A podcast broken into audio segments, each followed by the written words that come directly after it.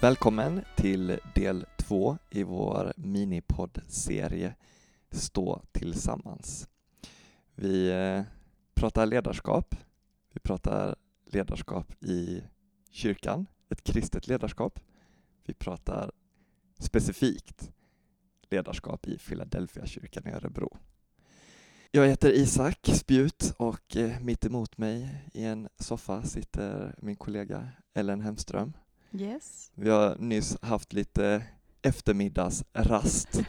vad, vad tillbringade vi den rasten med? Det, det var en väldigt specifik sysselsättning. Det var ju som att vi kände att vi behövde ha en paus efter den här dagen. Det var ett möte på möte. Och vi har Ja. deltagit i nästan samma möten hela dagen. Men så upptäckte vi en lampa som lyste. Rött. Rött. Ilsket Och då rött. känner man bara, det här måste vi utforska. Och det är, om du har varit, liksom ser våra lokaler framför dig så är det ju, det, det här är för en smal grupp. Det här är en Även för grupp. de som känner vår kyrka. ja.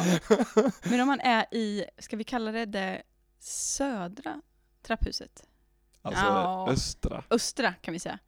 Alltså det trapphuset som går borta Det vid nord- kylrummet. Nordöstra. Jag vet inte. Eh, borta vid kylrummet så finns det ju en trapp som går hela vägen upp till våning fem och sen går den också ner i källaren. Mm. Och ner i vårt garage. Och det är där nere det finns ett valv med sån här valvnyckel Alltså och det ser dörr. ut som ett bankvalv. Det ser ut som ett bankvalv och där finns det en röd lampa som lyser när Ibland. man har råkat glömma lyset på. Ja. Och det här var vi tvungna att utforska på rasten. Ja. Så det kanske inte var det viktigaste vi hade att göra då, men det var en bra, Ja, Det började med att vi var tvungna att hitta rätt nyckel. ja.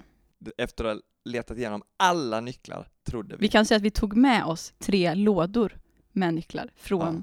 Men det fanns inte ens någon som såg ut att passa. Nej, Ända nej. tills jag ringde Gunnlaug. Mm. Och givetvis så visste hon på en gång var rätt nyckel fanns. Där hängde den i eget majestät.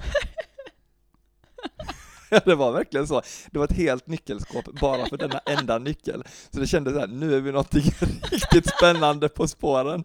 Och efter åtta år i den här församlingen har jag aldrig varit inne i det här, på, i det här rummet innanför de här dörrarna. Ja men sen när vi väl, efter mycket om för när vi hade hittat rätt nyckel så var det inte bara att forcera dörren, utan det var, vi fick kämpa med att låsa upp den där. Putta och dra. Ja. Ha- Hade du förväntat dig ett stort eller litet rum? Stort tänkte jag för att vi är liksom på nedre plan. Det finns mycket utrymme där, alltså Ja. i källarplan. Men det var ju ett halvstort rum, Ja, kan man väl säga. ja lite såhär walk-in closet Ja, storlek. precis. Till bredden fyllt med minnen, Ja. kan man väl ändå säga. Församlingens eh, arkiv. Mm. Vi har ju två arkiv. Vi har ju ett på expeditionen. Det här var ju ett okänt arkiv. Ja, jag visste. Jag trodde att vi hade var här på Ja. expeditionsvåningen. Men det här var, fick vi veta då, långtidsarkivering. Ja. Go, it goes way back. Mm.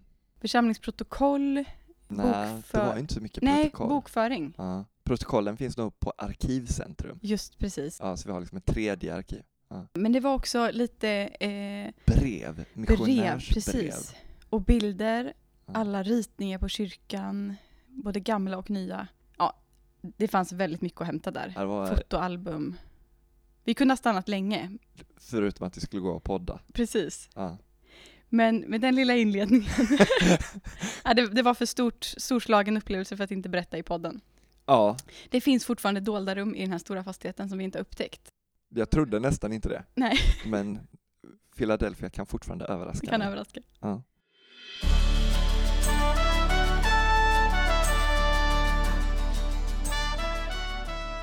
I det här poddavsnittet så kommer vi att ägna lite tid åt att prata om tre värdeord som vi ser är viktiga för församlingens ledarskap. Och vi har tänkt att vi vill liksom eh, lägga ut de områdena lite för er som lyssnar och eh, förhoppningen är att, att det ska ge lite nya perspektiv till vad vi tänker är, ja men ska känneteckna vår ledarkultur i församlingen. Och jag ska börja att tala om det första värdeordet som vi kallar för ett tjänande ledarskap. Och eh, du som har lusläst vår vision och kan den som ett rinnande vatten, du vet att den sjunde delen i den visionen handlar om att tjäna andra, att ge vidare genom att tjäna andra. Så tjänandet är en del av vår församlingsvision och längtan, att det ska få känneteckna oss. Och då tänker vi att det är naturligt att det också ska få känneteckna vårt ledarskap och vår ledarkultur. Tjänande ledarskap tänker jag, och du kommer få fylla i lite sen Isak, vad du har för synpunkter och tankar kring tjänande ledarskap, men jag tänker jag börjar. Jag tänker att tjänande ledarskap har sitt ursprung i Guds mönster, eller Guds rörelsemönster. Om man läser Bibeln så upptäcker man ganska snabbt att Gud är en Gud som rör sig neråt. Och jag har under en längre tid varit fascinerad över den rörelsen i Gud, att han stiger ner. Och mitt favoritställe där det temat introduceras för oss som läsare, det är ju i berättelsen om Babels torn.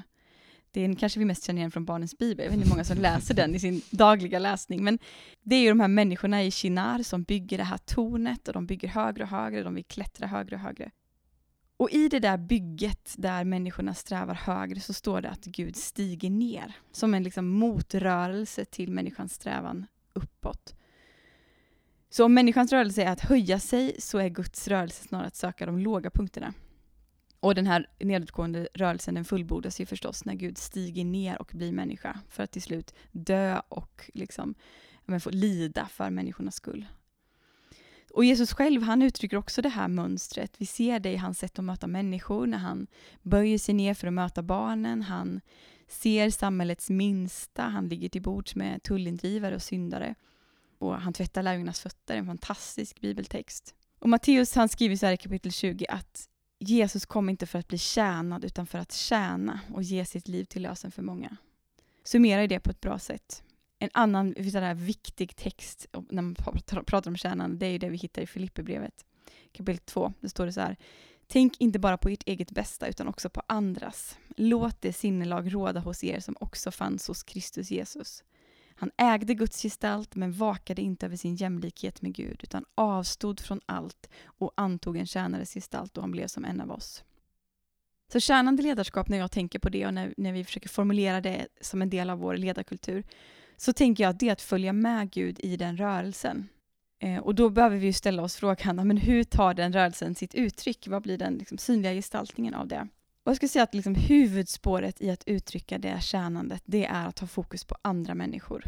Att mitt, min, liksom, min ingång är att det är den andre som jag försöker att möta och se. Att se andras bästa, det, det låter ju kanske väldigt sådär självklart, grundkurs. Eh, men det är så viktigt. Eh, allt faller tillbaka på det tycker jag. Och jag tycker att det som kännetecknar tjänande ledare är att, att de människorna känner starkt för personer runt omkring dem. De gläds med de som gläder sig och de sörjer med de som sörjer. Så man har helt enkelt ett fokus på andra människor som tjänande ledare. Och de, de tjänande ledare som, som jag inspireras av, jag tycker det som, det som förenar dem det är att de skapar en kultur runt sig som är attraktiv. Eh, de drar människor till sig. Och jag tänker att det, det slår an det där djupt mänskliga behovet hos oss att, att känna sig sedd. Vem vill inte bli sedd av andra människor? Det är ju ett sådär mänskligt behov. Att bli sedd, att vara lyssnad till. Det tänker jag, liksom, de här tjänande ledarna som jag inspireras av, det syns i deras liv att människor samlas runt dem. Det finns någonting attraktivt där. Sen tänker jag att tjänande ledarskap alltid har den där praktiska gestaltningen också. Det tar sig uttryck i handling. Eh, inte bara i det här liksom att jag, eh, jag förstår att jag behöver ha medlidande i den här situationen, utan det också kan visa det praktiskt. Eh, att jag använder eh, min tid och mitt liv till att, att möta människor. Jesus han eh, bad ju för människor, han gjorde goda gärningar, han utförde mirakel, han tog tid, han lyssnade på människor eh, och till sist så dog han för oss. Eh, alltså det är ett väldigt praktiskt ledarskap, tjänande som Jesus själv exemplifierar. Det är handling och verkstad. Så det tänker jag också är kännetecknande för det tjänande ledarskapet. Min sista liksom, punkt, om man skulle ha punkter, jag vet inte om jag har det, men det kanske blir tre punkter ändå. Det brukar ju bli tre punkter. om man inte anstränger sig så, så blir det blir det, det. ja, men då tänker jag att tjänande ledarskap handlar om att komma underifrån eh, snarare än ovanifrån. Eh, och, och, återigen, är det inte det här Jesus sysslar med? Jo, det tänker jag att det är. Att han, han använde inte sin auktoritet för att komma eller för att få människor att lyda, utan han för, ville liksom förändra människors hjärtan och liv. Eh, och så var lydnaden en, en följd av det, en konsekvens av det. Den kom i andra hand, som ett gensvar på det där förvandlade livet. Eh, och, och, som den gode herden så kommer han alltid bakifrån, och, eller underifrån, och liksom hjälper flocken framåt. Och jag vet inte om du känner igen dig i det Isak, men ibland så tror jag att det finns en missuppfattning när man pratar om tjänande eller, också, eller så ödmjukhet eller ledarskap som kommer underifrån. Att man tänker att det skulle innebära ett diffust ledarskap eller ett otydligt ledarskap. Kan du känna igen dig i det? Den liksom Ja. missuppfattningen. Alltså, jag tänker att man, att många kanske ser tjänande ledarskap som, som en motsats till auktoritärt Mm. ledarskap. Är det lite så du Ja, menar? precis. Mm. Och jag tänker att det är, en, en, det är just en missuppfattning. Mm. Att det tjänande ledarskapet är inte eh, liksom diffust eller det, det är inte liksom att syssla med diplomati i första hand och, och liksom att eh, ta hänsyn till allas åsikter.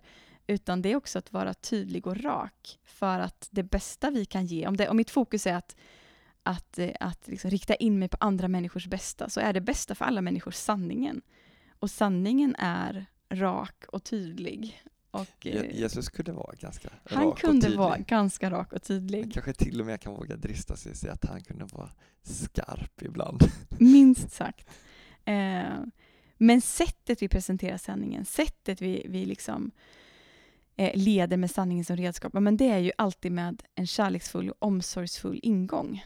Det, det tänker jag är viktigt i det här tjänandet. För vi, vi, man kan ju tänka, man kan ju lätt tänka på de personerna som, som använder det lite som en ursäkt också. Nästan till att vara elaka ibland. Jag säger bara sanningen. Mm. Sanningen gör ont. Mm. Det är inte tjänande ledarskap. Eh, Men det är inte heller tjänande ledarskap att Att dölja undvika sig. sanningen. Ja, Nej. Nej, precis. Att vara precis. konflikträdd. Liksom. Så jag skulle säga att tjänande ledarskap, det är att ha fokus på den andra. Mm. Fokus på andra människors bästa. Det är att tjäna genom att handla praktiskt. Att eh, liksom, eh, em, göra de där insatserna för andra människors liv. Om så bara att sätta på kaffet eller att städa. Eh, men också det här att möta människor i förbön. Eh, lyssnandet, blicken för andra människor. Och sen att komma underifrån.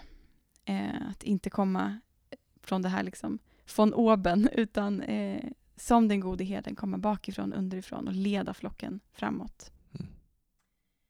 Om det är vårt första värdeord, vill du lägga, något, vill du lägga till någonting där Isak? Eller ska vi gå in på... Nej, men jag, jag, bara, jag bara tänker, det, det kan vara lite avslöjande ibland hur vi pratar om andens gåvor. Alltså jag tänker vi är så präglade av vår tid när man kan prata om mina gåvor. Eh, jag tänker det bibliska prata om eh, att anden fördelar gåvor över sin församling som den vill. Alltså det är församlingens gåvor, inte mina gåvor. eh, och det där, ja, men det tänker jag man kan ha med sig när det kommer till ledarskap också. Alltså, Gud kallar inte mig till ledare för min skull. Det är inte min ledarskapsresa Mm. som jag ger mig in på och vad spännande för mig. Utan så här, det, jag är ledare för Guds församling. Mm. Bra, Ja, det är det där perspektivet. Liksom. precis.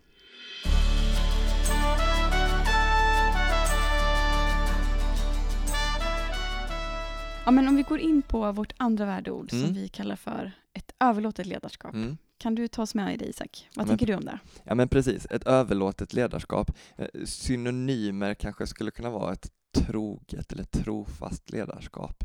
Eller ett ledarskap som är på plats, ett närvarande Mm. ledarskap. Ett ledarskap som inte bara står upp utan som står kvar. Mm. Det här är egentligen ett, ett värdeord kopplat till ledarskap som jag har burit med mig under lång tid. Jag, jag tror att det har förstärkts nu under den här pandemitiden. Eh, jag tänker på det här, det, det är ett sammanhang i en liknelse som Jesus berättar. Den finns både i, i Matteus evangeliet och i Lukas evangeliet. Men eh, det är en liknelse om, om en herre som reser bort och anförtror eh, pengar, talenter står det på ena stället till, till tre tjänare. Så kommer han tillbaka och kräver redovisning för sin investering. Och så har några skött sig och några inte skött sig. Men, men det, det han säger då som på något sätt blir Jesu ord är ju Bra, du är en god och trogen tjänare. Du har varit trogen i det lilla. Jag ska anförtro dig mycket. Och, och det där har jag, har jag fastnat lite för, kopplat till ledarskap också. Jag, jag, jag tror att det ligger någonting här att nu- kommer en sån här kristen floskel, eller sån här, jag vet inte var jag har hört, hört den först, men, men man hör folk slänga sig med den. Men jag, jag tycker det är för att det är bra. eh, Gud kallar inte den utrustade, utan Gud utrustar den kallade. Den som har varit trogen i det lilla. Eh, alltså frågan är inte om jag är ledare, vad kommer jag med? Vad, vad, vad tar jag med mig till bordet? Vad är mina erfarenheter, eh, min kompetens, min utbildning, mina gåvor? Utan frågan är så här, vem är det som kallar? Vem är det som sänder? Vem är det som har gett mig uppdraget? För att vi vet att den, den guden också kan ge oss uh, gåv, nya gåvor, kan mm. utrusta oss, kan, kan göra oss mer mogna. alltså här, det, det, är inte, vi är inte färdiga paket liksom utan vi, vi vet att det kan hända saker längs vägen. Så, så jag som pastor eller som ungdomsledare, jag, jag har ju väldigt låga trösklar när jag tänker vilka som så här, vilka tillfrågar, så här, men kommer vara med som ungdomsledare. Eh, men ibland kommer det ju super, man bara tänker wow, briljant. Men jag, jag, jag, frågar ganska vitt och brett och sen ser jag vilka som blir kvar. jag, jag, jag, Mikael och Agneta Hallenius som är pastorer här i stan också, mm. mötesplatser. Vet, de har uttryckt det, det var inte kopplat till ledarskap, men de uttryckte lite sådär eh, som en summering av sitt, sin pastorsgärning. Att så eh, det har passerat väldigt många människor genom vårt vardagsrum och liksom landat ner i vår soffa. De som satt kvar, det är de vi har jobbat med. lite så tänker jag ibland kring ledarskap också. Mm. Så här, ja, men kom, kom och var med sen ser jag vilka som står kvar. Mm. Och det är de jag jobbar med. Och det tänker jag ett sånt här år när det, när det är kris, när jag gör citationstecken i luften. eh, ja, men man kan ha jättemycket bra människor med jättemycket bra gåvoutrustning. Men är de där är de där där krisen kommer liksom. Mm. Alltså, men då jobbar ju jag med de som är där. Jag tänker att det är så Gud gör också. Mm. Eh, många är kallade, men, men vilka är det som kommer? Vilka är det som tackar ja? Vilka är det som står där när det blåser mitt i stormen, som står kvar ändå? Jag tror många ledare har, utifrån det bibelordet där, har, att vara trogen i det lilla, ändå fått reflektera över det under pandemiåret. Ja. Vågar jag stå kvar? Kan jag stå kvar när ja. flocken är borta, eller osynlig, inte minst? Eh, och liksom samlingarna är mindre, kallelsen, tjänsten ser annorlunda ut. Mm. Är jag trogen? Uppdraget, tjänsten, även när, liksom, när det frestar på, när det är kris. Vad har man för motiv? Ja. men, och, och, och, Krisen jag, prövar ju verkligen våra motiv. Ja, men jag, jag tänker det här året har också fått hjälpt mig att få upp ögonen för alltså, hur ofta i Nya Testamentet, kanske framförallt i breven, på sida upp och sida ner i vers efter vers, så står det saker som stå fasta, stå kvar, var uthålliga, var tålmodiga, mm. ge inte upp. det står överallt. Och jag, jag har bara liksom insett att det är så Bibeln faktiskt ofta, oftast beskriver den andliga kampen också. Ja. Det är inte alltid de här sto, stora, liksom, vad ska man säga, episka berättelserna, utan det, det är mer det här vardagslunken. Mm. Stå kvar, håll ut. Även när det inte händer så mycket. Ja. När det inte är momentum och folk strömmar till och det är liksom fullt ös och glädje, utan också stå kvar i de där perioderna när folk inte kommer. Det är mer tungrot. Men kanske är det därför jag vill prata om, lyfta det här också med överlåtet ledarskap. Just för att alltså, vara trogen i det lilla, att, att koppla bort det också från där resultaten. Mm. För det finns ju en frestelse i kristet ledarskap, de här snabba vinsterna. Mm. Eh, och jag tänker att mycket av det osunda ledarskapet kommer in som ett svar på den där viljan att se snabba resultat. Men jag tänker det bibliska språket är så här, men det, vi, vårt uppdrag är att så, vårt uppdrag är att vattna, att, att få vara med och beskära, men, men det, det är Gud som ger frukten. Det hänger faktiskt inte på oss, utan vårt uppgift är att vara trogna i det som är anförtrott åt oss, att så ut och att vattna.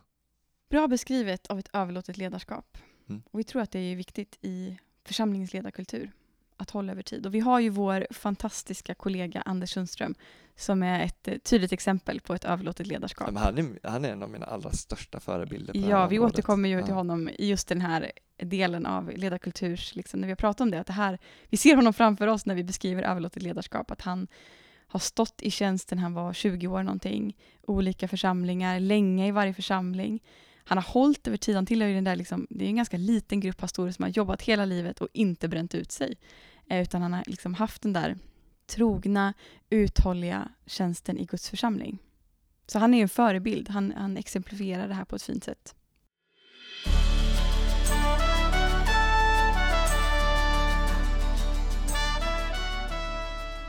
Vi ska gå in i vår tredje, vårt tredje värdeord som Mm. vi har valt att kalla för ett modigt ledarskap. Och för att leda tjänande och överlåtet så behöver vi mod. Det är den enkla liksom. det är därför vi landar här. Ja, men det krävs mod för att leda. Eh, och om jag ska återknyta till den här bilden som vi delade i det inledande avsnittet av den här poddserien, där vi målade upp bilden av ett eftermöte efter predikan, där eh, det krävs mycket mod att ställa sig upp när alla sitter. Och att det finns en, en hjälp i att vi är fler som ställer oss upp tillsammans. Därav namnet på vår podd, Stå tillsammans. Och här krävs det, ju- ja, men här, det, det uttrycker det där modet på något Mm. sätt. Det, det krävs mod att resa sig upp, men det krävs också mod att stå kvar. Och då blir frågan, hur kan vi odla ett sånt modigt ledarskap? Hur kan det få genomsyra vår ledarkultur? Och en viktig del i det tror jag är att känna till skyddsnäten som vi har i Gud. Eh, och då inte bara känna till det på ett tankemässigt plan utan också att det har satt sig i min kropp på något sätt. Att jag är helt trygg i att Gud bär upp mitt liv. Um, och jag tror att ska man leva modigt och vara modig som ledare så kräver det den vissheten på något sätt. Att där jag går, när jag går så går Gud med mig. Och när jag faller så tar Gud emot mig. Och en bibelberättelse som jag har tänkt mycket på, inte minst det här året, pandemiåret, så har jag varit mycket i Josua bok. Och eh, jag blir påminn om Josua också när jag tänker på modigt ledarskap. Han ska ju ta över ledarskapet därefter Mose. Eh, de ska gå in i landet. De är liksom, äntligen är de i det skedet där de börjar bli redo att ta sig in, som de har väntat. Eh, och så ska Josua ta över ledarskapet och vi kan ana att han både liksom bävar och våndas och känner oro inför det uppdraget att ta efter, inför, efter den här stora ledaren och sen gå in så här på okänd och ny mark. Eh, men då säger Gud till honom där i kapitel 1, tror jag, eller kapitel 2, var inte rädd och förfärad. Eh, Herren din Gud är med dig vart du än går. Och Josua, han, han hade ju med sig erfarenheterna av Guds trofasthet från ökenperioden, från vandringen. Han har med sig det, men han har ändå den där oron och våndan hur det ska bli. Men han vet tillräckligt mycket om Gud och vem Gud är för att våga gå. Även om man inte vet hur allt kommer bli, även om man inte eh, vet fullt ut vägen, så, så vet han tillräckligt för att gå i tro. Han har sett Gud handla förr. Och jag tänker också att han vet tillräckligt mycket om sina styrkor, uppenbarligen som ledare. Han har vågat ta, liksom bejaka ledarkallelsen, men, men han vet också att om inte Gud öppnar vägen, om inte Gud de ska ju korsa Jordan här liksom, i början av, av när Josua tar över och, och liksom, han vet att om inte Gud banar en väg, då är det kört. Och den där balansen, den tror jag man får jobba hela livet med för att hitta. Eh, men, men det är någonting att sträcka sig mot och utmana sig i att, att lita på Gud. Inte på mina kompetenser och meriter i första hand, även om det är goda redskap i, i verktygslådan, så, så står det och faller med på något sätt att jag som ledare vågar lita på att Gud, som ju är den stora ledaren, kommer att leda mig. Ehm, och att jag får fatta mod i det utifrån det, vem Gud är. Och jag tror att ska vi våga leda, ska vi lyssna in människor och ha fokus på den andra, ja men då behövs det mycket mod att stå i de lägena. Det, det krävs mycket mod att möta människors behov. Att vara den där som lyssnar och ser. Och ska vi våga överlåta oss till ledarskap, hålla över tid, stå, under en, stå i blåsten eh, och stå i de goda perioderna så behövs det också mod. Så mod är ett sånt där nyckelord för att kunna leva tjänande och överlåtet, men också att leda i en, ett kristet sammanhang, en kristen gemenskap. Att våga lita på att Gud är den som bär upp och som leder vägen framåt. Och jag tror att vi skulle vara hjälpta i att utmana varandra i det där modiga Mm. sättet att leva och vara församling. Och vi har ju haft en period nu under våren, här under pandemin, där vi har jobbat mycket med vår sociala, diakonala inriktning och nya steg som församling, också i att lyfta barnen och familjerna på ett särskilt sätt. Och här har vi ju liksom den här jättekonkreta övnings... Det är praktik för oss. det är, vi får vara prao i, i just de här frågorna, att våga gå i tro. Att våga gå utan att fullt ut veta vägen eller fullt ut veta målet eller frukten, vad man nu vill använda för bild. Vad tänker du Isak när det handlar om modigt ledarskap? Men, men dels tänker jag bara, och det kan vi tänka både på vår situation eller tillbaks på Josua eller vad man vill se, men Men Josua är ju inte modig för att han har fått en detaljplan, för att han vet exakt hur det ska gå till, utan han är ju modig för att det är Gud och han känner Gud. Mm. Och han gör ju, får ju vara med och leda på ett väldigt, väldigt liknande sak, alltså tåg över Jordan som stannas i sitt lopp. Alltså det är väldigt likt kan man tänka, när han fick vara med och tåga över Sävhavet eller Röda havet. Men det görs på ett nytt sätt. Mm. Men han vågade gå ändå. Man kan ju tänka sig, nu gör, nu gör vi som Mose gjorde. Nej, hur säger Gud att vi ska göra? Och jag, jag tänker mod också när vi går in i en ny tid. Alltså hur, hur kommer tiden vara efter pandemin? Mm. Kommer det vara, gå tillbaks till samma? Kommer det vara mer av samma eller kommer det vara mindre av samma? alltså, hur kommer människor reagera? Hur kommer det bli? Mm. Jag tänker det kommer vara en tid när vi behöver vara modiga som församling. Ja. Eh, för vi kommer behöva göra vissa saker på nya sätt. Det kräver alltid mod. Mm. Jag tänker på det här med tro. Alltså jag tänker att det har med att ta steg i tro att Mm. göra. Om man titt- lä, liksom läser om vår historia som församling så har vi gjort jättemånga stora trosteg utan att veta hur resultatet skulle bli. Mm. Jag, jag vet inte hur bra vi är på det nu, eller om vi är lite ringrostiga. Det, det blir ett litet så här, frikyrkligt, frikyrkohistoriskt sidospår. Men jag kan undra om vi, vi liksom som frikyrklighet blev lite brända när trosrörelsen kom. Eh, alltså, det är lite dumt att den heter trosrörelsen, för det var inget nytt med trosförkunnelse. Mm. Utan det som var nytt var att man kopplade ihop trosförkunnelsen med framgångsteologi. Alltså att, jag menar, trosförkunnelsen har ju Jesus. När du ber, så tro. Mm. Den, den, den som ber och bara har tro stor som ett senapskorn. Alltså, han pratar ändå om tro kopplat till bönesvar. Men, men, eh, men allt kommer inte vara framgång. Och vi i vår, vår historia, både med John Ångman och han hämtade från The Holy Movement och de här helbrägda förkunnarna i USA på andra halvan av 1800-talet. Det var jättemycket trosförkunnelse. Men om man tar till exempel Helgelseförbundet i Sverige sen som ett exempel, så kopplade man den trosförkunnelsen snarare till ett lidandets teologi, ett sjukdomens teologi eller så här att tro även när det gör ont, tro även när du inte ser resultat. För att man kopplade inte tron till resultatet, utan man kopplade till Gud. Mm. Det där tänker jag är en liten övning för oss också. Alltså här, vad händer om det inte blir som vi tänkte oss? Mm. Var, var allt för jävligt? Nej, men- nej, men det är inte det som är att vara modig ledare, att ta steg i tro, utan det, det är att vara trogen mot det som Gud har kallat oss till. Mm. Och där behöver ju en kristen ledare, alltså källan, ursprunget, liksom där allt ledarskap flödar ur, är ju liksom vissheten om vem Gud är. Mm. Guds karaktär, vårt fäste i honom, vårt hopp i honom. Så i det här liksom, det modiga ledarskapet, det överlåtna ledarskapet, det tjänande ledarskapet, så dras ju allt tillbaka till att vi som ledare också behöver ha mycket tid och fördjupning i Guds närvaro. Mm. Det är där vi hämtar liksom allt det här ifrån, i vem Gud är och vem, hur han verkar och handlar i världen. Ett tjänande ledarskap, ett överlåtet ledarskap och ett, nej men, Ett modigt ledarskap. Eh, det är vad vi tror är viktiga värdeord i vår ledarkultur i Philadelphia. Något som vi vill styrka och som vi vill utmana varandra i att leva utifrån. Mm.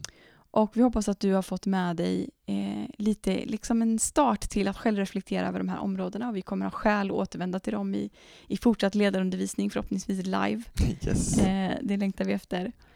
Vi, vi får parafrasera Paulus också. Tro inte att vi har det, men vi sträcker oss efter Vi det. sträcker oss mot det, Ja, absolut. eller hur är det det står? Ja. Något sånt. Mm. Eh, tack att du har varit med och lyssnat i, på podden idag. Eh, och vi ser fram emot att få samtala vidare om det här i kommande avsnitt. Mm. Hoppas du vara med oss då. Tack för nu. Tack.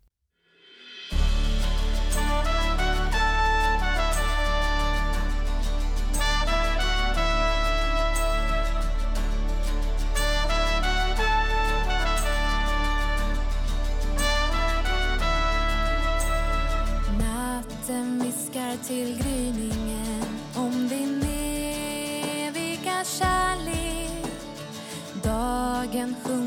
till skymningen om din